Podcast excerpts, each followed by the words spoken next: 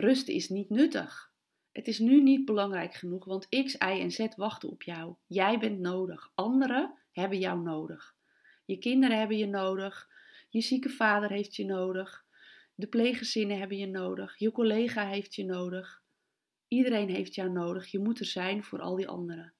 Vind je anderen belangrijker dan jezelf? Is dan een interessante vraag. Ondanks dat je weet, als jij door en door en door gaat en je komt op de bank te zitten met een burn-out, help je niemand meer en kun je er voor niemand meer zijn.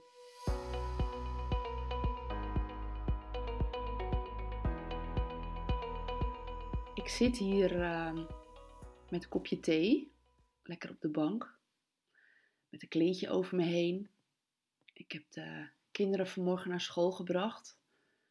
En natuurlijk zijn er heel veel dingen die op mij wachten. Zal je waarschijnlijk herkennen.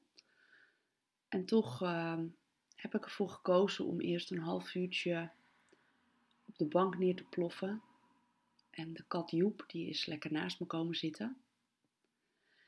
En ik wil hier graag iets over uh, met jou delen. Want datgene waar ik ook nog wel eens mee stoei. Ik ben ook mens, ik, uh, ik heb ook mijn uitdagingen. Weet ik dat ook jij hiermee stoeit? Want het gaat over ontspanning.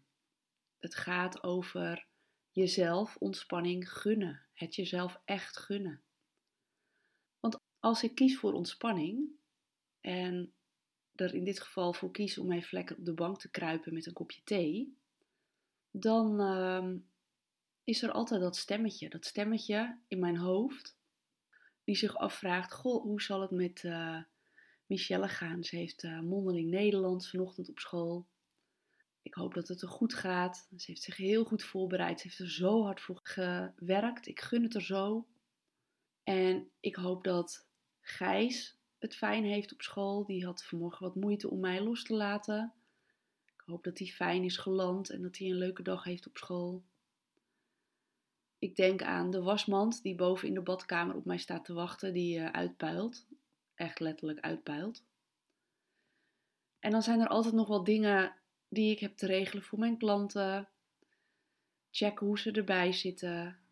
Mijmeren waarmee ik hen het beste kan helpen. Uh, hoe ik het maximale uit mezelf kan halen. Maar ook nu hoe ik met deze podcast jou verder kan helpen. En ik wil nog even een berichtje sturen naar mijn moeder. En dan is het aan mij om bewust niet in actie te komen, mijn telefoon te pakken en mijn moeder een berichtje te sturen, om vervolgens via andere berichtjes weer door te klikken en mijn ontspantheid op een scherm door te brengen. Want schermen zijn geen ontspanning, maar afleiding. En dan is het ook aan mij om te zeggen: Oké, leuk al die adviezen van jou, lief stemmetje in mijn hoofd. Maar stop, ik ga er nu niet naar luisteren. Ik kies er nu voor om op de bank te chillen en echt even te zijn in het hier en nu. We dragen namelijk allemaal verantwoordelijkheden, veel verantwoordelijkheden. Je hebt een huishouden, je werk, gezin, financiën, noem het maar op. Wellicht een moeder waarvoor je mantel zorgt. We dragen allemaal veel verantwoordelijkheden. En met name in jouw werk kies jij ervoor om grote verantwoordelijkheden te dragen vanuit jouw missie om pleegkinderen zo'n fijn mogelijke jeugd te bieden na alles wat ze al hebben meegemaakt. Maar daarnaast is ontspannen zo mega belangrijk om al die verantwoordelijkheden te kunnen blijven dragen. Maar ook omdat we leven. Ontspanning, stilstaan, ademhalen, in je opnemen wat er allemaal is. De zon die prachtig opkomt. De dauw die als pareltjes op de winterse bodem glinstert. De sneeuwklokjes die hun kopje boven de grond uitsteken. Maar ook de fijne gesprekken met mensen echte ontspanning zonder dat je iets moet. Genieten van wat is. In je vrije tijd zal je misschien ook tijd besteden aan sporten bijvoorbeeld. Inspannen, actie, denken, doen, bewegen. Maar ontspanning is net zo nodig. In het hier en nu zijn, zonder afleidingen. Aanwezig zijn in het nu. En dat is best moeilijk. Maar ik kies hier wel bewust voor, omdat ik weet en keer op keer voel wat het mij oplevert om te kiezen voor ontspanning. En hiervoor kiezen lukt pas als je het jezelf echt gunt. Want je week vullen met verantwoordelijkheden is echt een makkie. En nog meer verantwoordelijkheden erbij nemen ook. Je moeder die zorg van je nodig heeft. Je kind. Een vriendje of vriendinnetje die graag wil komen spelen. En je denkt, ach nou ja, ik had eigenlijk een rustig middagje in gedachten. Maar kom maar mee, gezellig. Een collega die uitvalt en een caseload die iemand op zich zal moeten nemen. Jij? De week is zo gevuld. Maar waar neem je tijd om echt te ontspannen? En in het begin is ontspannen niet eens altijd fijn. En dat is een drempel waar je overheen moet, of een proces waar je doorheen moet, om in die echte ontspanning te komen. Want altijd in actie zijn, altijd in beweging zijn en altijd die stress, bewust of onbewust, daarbij ervaren, is een verslavende modus waar je dan in zit.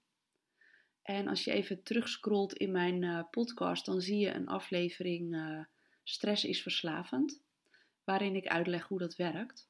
En als je er dan toch voor kiest, heel bewust voor kiest van oké, ik weet dat stressverslavend is. Dus als ik nu op de bank ga zitten voor het eerst sinds tijden, dan voel ik die onrust in mezelf. En als je er dan voor kiest om daar toch doorheen te gaan en toch te gaan zitten, te zijn met dat wat je allemaal voelt, dan kun je in de volgende fase terechtkomen. Want in ontspanning gaat je lichaam zich herstellen. Dus naast dat je door die verslavingsmodus heen gaat, vindt er herstel plaats.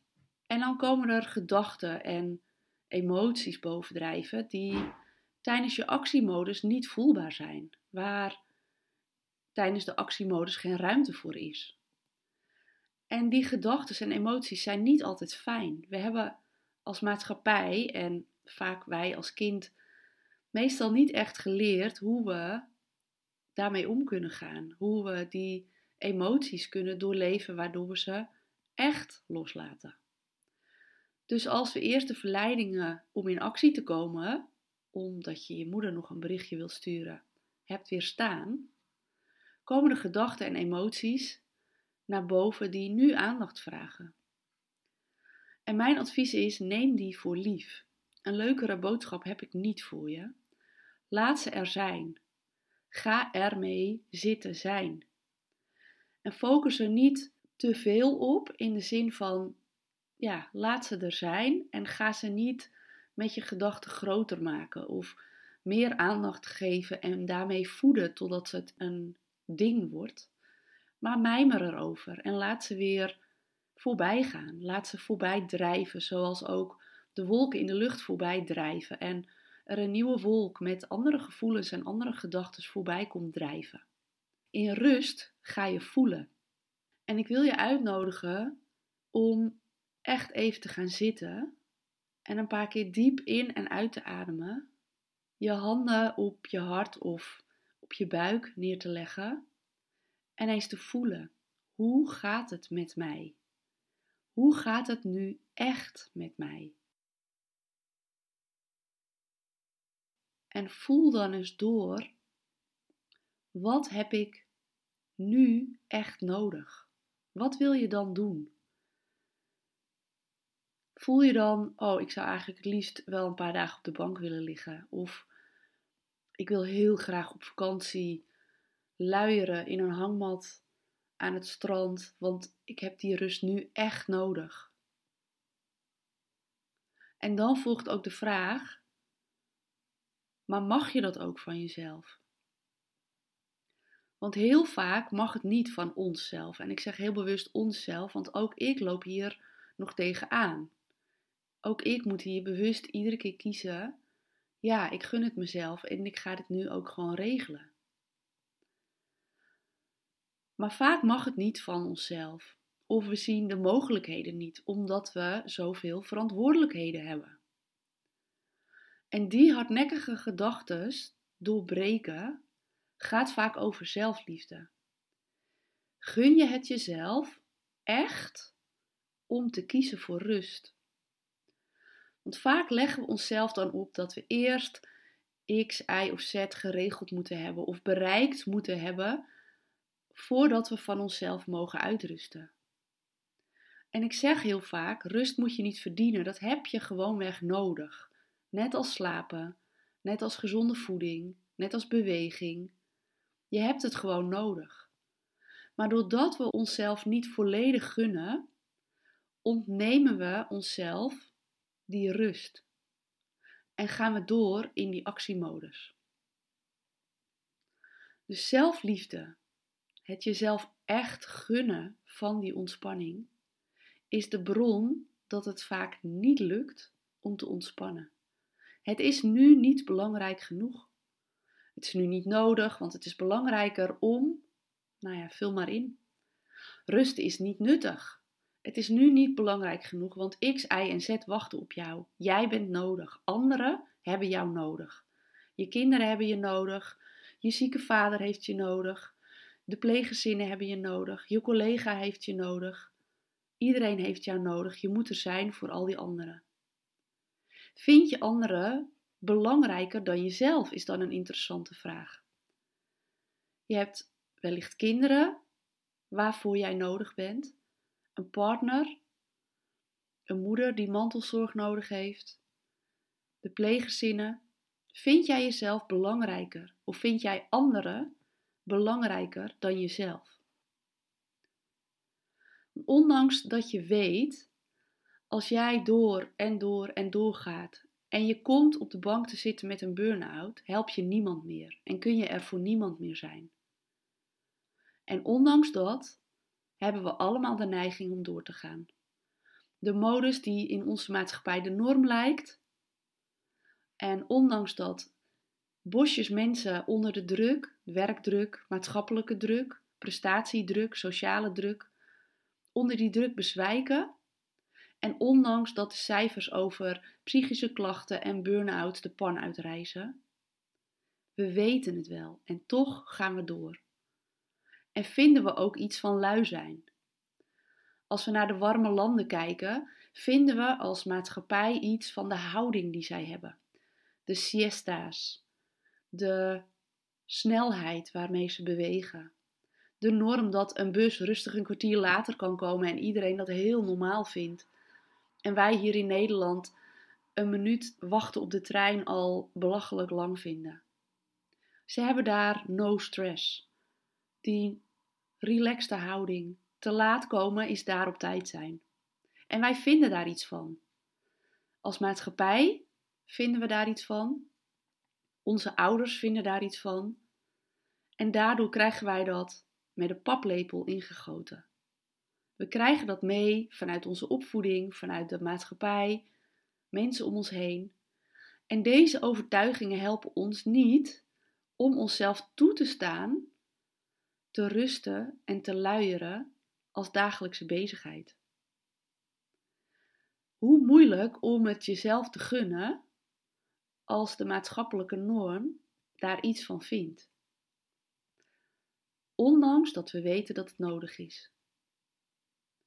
Dus mijn vraag aan jou is: gun jij het jezelf ook? Gun je het jezelf echt om te rusten en om te luieren?